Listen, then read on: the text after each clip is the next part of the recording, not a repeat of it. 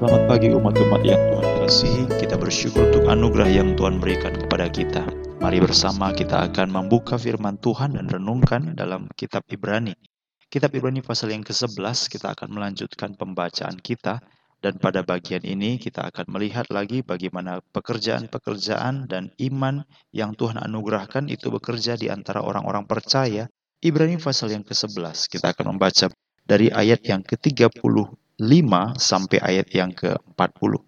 Ibrani pasal yang ke-11 ayat yang ke-35 sampai ayat yang ke-40. Demikianlah firman Tuhan.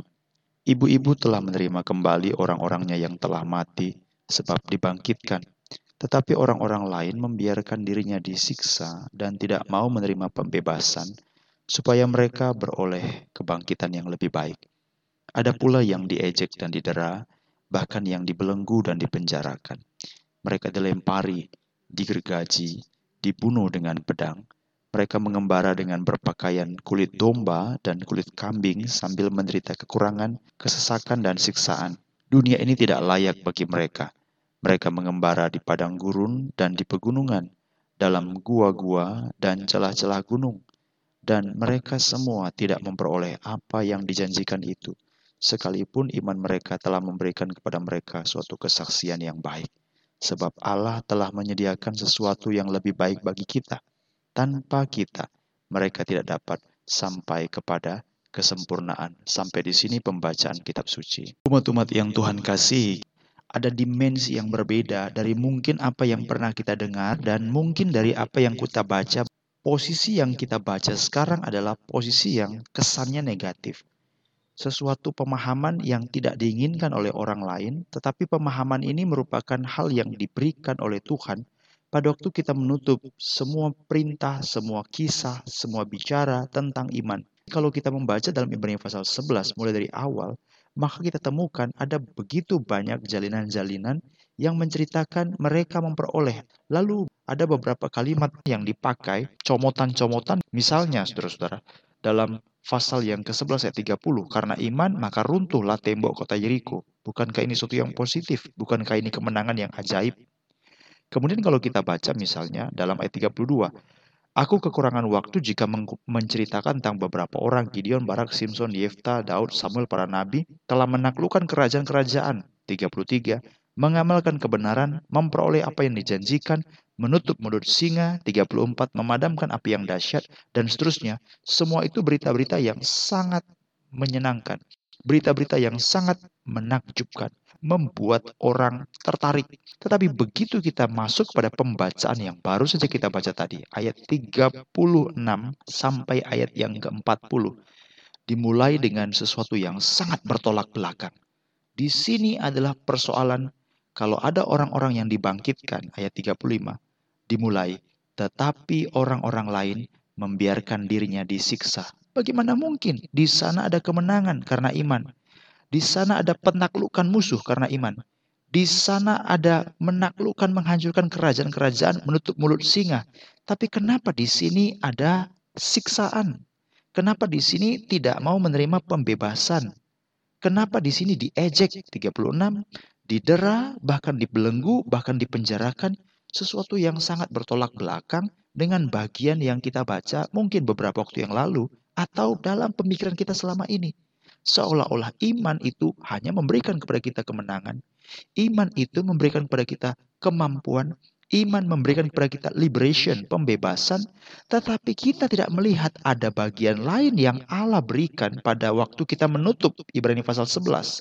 Yaitu orang-orang tidak menerima kebangkitan, membiarkan dirinya disiksa, tidak menerima pembebasan, ada yang diejek, didera, dibelenggu, dipenjara, dilempari, digergaji, dibunuh dengan pedang, mengembara dengan berpakaian kulit domba dan kulit kambing, sambil menderita kekurangan, kesesakan, dan siksaan. Bagaimana mungkin mereka ini disebut adalah orang yang mengembara di padang gurun, di pegunungan, dalam gua, dan celah-celah gunung? Mereka semua tidak memperoleh apa yang dijanjikan itu. Pasal 11 ayat 39, sekalipun iman mereka, sekalipun iman mereka telah memberikan kepada mereka suatu kesaksian yang baik, mereka juga adalah saksi-saksi iman. Mereka juga adalah tokoh-tokoh yang tidak bisa diabaikan begitu saja. Tetapi walaupun demikian, Mereka adalah orang yang tidak mendapatkan sebagaimana yang kita pikirkan, sebagaimana yang diharapkan manusia. Tapi mereka tetap orang-orang beriman. Mereka, Alkitab mengatakan, telah memberikan kepada mereka suatu kesaksian yang baik. Mereka memiliki kesaksian itu. Iman itu ada dalam diri mereka. Tapi pembebasan, kemenangan, kemerdekaan, penaklukan tidak mereka miliki. Saudara yang dikasih Tuhan, mari kita ubah konsep kita tentang iman. Apa yang kita pikirkan tentang iman? Iman sesuatu yang positif. Iman sesuatu yang memenangkan. Iman adalah suatu hal yang membebaskan. Iman adalah kemenangan. Bagaimana dengan bagian ini? Saudara yang dikasih Tuhan, maka kita melihat bahwa iman itu kembali lagi bukan berdasarkan definisi manusia. Iman bukan berdasarkan sense atau perasaan manusia. Iman bukan berdasarkan penilaian manusia, tapi iman itu adalah anugerah Allah. Iman itu adalah pemberian Allah. Segala penilaian, segala tumpuan, segala sesuatunya tetap terletak di Allah. Pada Allah, terletak pada Allah, dan bukan pada manusia. Itu sebabnya Alkitab mengatakan, sekalipun iman mereka telah memberi kesaksian sesuatu yang baik kepada mereka. Mereka adalah orang-orang beriman, tapi mereka tidak mengalami sesuatu yang indah, sebagaimana yang dipikirkan oleh manusia, sebagaimana yang diharapkan orang pada umumnya, tetapi mereka tetap adalah orang beriman. Sekarang, pagi hari ini, di mana posisi kita? Bagaimana kita memahami tentang iman? Waktu kita mengatakan aku beriman dan kita sedang menjalani kehidupan sehari-hari. Barangkali di antara kita sedang ada bergumul dengan persoalan masalah yang sedang kita hadapi. Barangkali persoalan dalam pekerjaan. Barangkali persoalan dalam rumah tangga. Barangkali persoalan tentang memikirkan masa depan. Barangkali ada sesuatu usaha atau pekerjaan kita yang sedang terganggu. Atau sesuatu apa pun yang membebani pikiran kita. Sekarang kita mulai berkata, "Oh, aku ingin beriman. Aku ingin menjalani kehidupan dengan iman." Pertanyaan, kehidupan jenis apa yang ingin kita harapkan atau kehidupan jenis apa yang kita bayangkan? Apakah kehidupan kemenangan, positif, sesuatu yang menaklukkan, sesuatu yang hebat, sesuatu yang besar, atau sebaliknya? Barangkali kita tetap berada dalam persoalan ini, seolah-olah persoalan ini seperti duri yang akan terus membuat kita menderita, yang membuat kita didera, membuat kita mengembara, membuat kita berpakaian kulit domba, tidak memiliki ketenangan, seolah-olah tidak ada solusi dan jalan keluar. Bagaimana? Kehidupan jenis apa yang ingin kita alami? Atau jenis yang kedua, ini bukan bicara masalah pengalaman, tapi pandangan dan penilaian kita. Pada waktu kita melihat orang, hidupnya begitu rasanya sukses, dia rasanya lancar, apa yang dia peroleh sepertinya cukup, tidak ada sesuatu rintangan, hidupnya sih fine-fine aja. Kita melihat dia, oh aku menilai orang ini adalah orang yang berhasil, orang ini adalah orang beriman.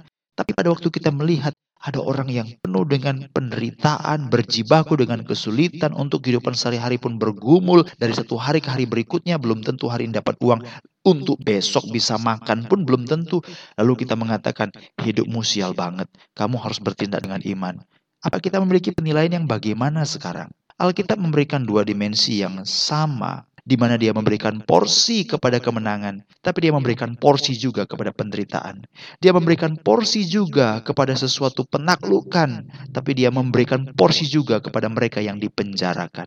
Dia memberikan porsi kepada kebangkitan dari kematian, tapi dia juga memberikan porsi bagi orang-orang yang tetap dalam kematian tidak memperoleh kebangkitan.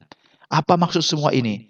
Dalam memahami tentang iman, kita tidak melihat fenomenanya Waktu memahami iman, kita tidak melihat keadaannya.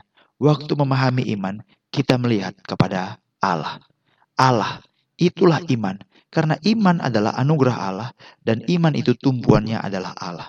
Saudara-saudara, Alkitab mengatakan ada satu bagian yang merupakan bagian yang sangat indah yang ditutup dari ayat yang ke-39 dan 40. Dan ini merupakan satu konklusi yang penting untuk kita tambahkan pada waktu kita memahami secara spesifik apa maksudnya iman bukan pada fenomena tapi pada Allah. Dalam ayat 39 saya akan bacakan demikian dan 40. Dan mereka semua tidak memperoleh apa yang dijanjikan itu, sekalipun iman mereka telah memberikan kepada mereka suatu kesaksian yang baik. 40. Sebab Allah telah menyediakan sesuatu yang lebih baik bagi kita. Jadi Allah subjeknya, Allah telah menyediakan sesuatu yang lebih baik bagi kita. Tanpa kita, mereka tidak dapat sampai kepada kesempurnaan. Jadi iman itu tumpuannya adalah Allah. Iman itu adalah anugerah Allah. Iman itu ada pada Allah. Dan bukan pada fenomena, tapi pada Allah. Tapi dari mana tahu bahwa kemenangan saya ini adalah kemenangan iman? Atau sebaliknya, penderitaan ini adalah penderitaan iman. Alkitab berkata, membawa kita sampai pada kesempurnaan. Ada kemenangan yang diizinkan Allah, tapi kemenangan itu membawa kita kepada kesempurnaan. Atau sebaliknya, ada penderitaan yang diizinkan Allah. Tapi penderitaan itu pun karena iman. Di mana kita tahu bahwa penderitaan ini karena iman? Karena dengan penderitaan itu, kita mengerti beriman dan kita dibawa kepada kesempurnaan. Inilah yang Kristus kerjakan. Kekuatan dalam kelemahan. Kemenangan menghadapi musuh melalui kesulitan dan penderitaan sekalipun. Karena kita dipimpin dalam iman dan kita dibawa kepada kesempurnaan.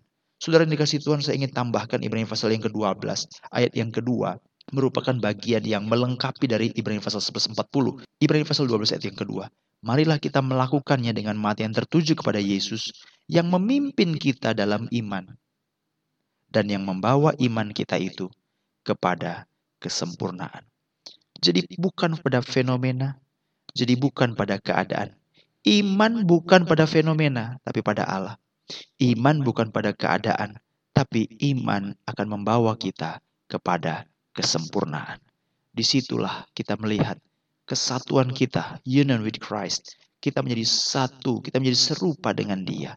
Serupa dalam gambaran anaknya Yesus Kristus, yaitu kita menjadi orang-orang yang mati, mengenal dia, dan kuasa kebangkitannya hidup dalam kita.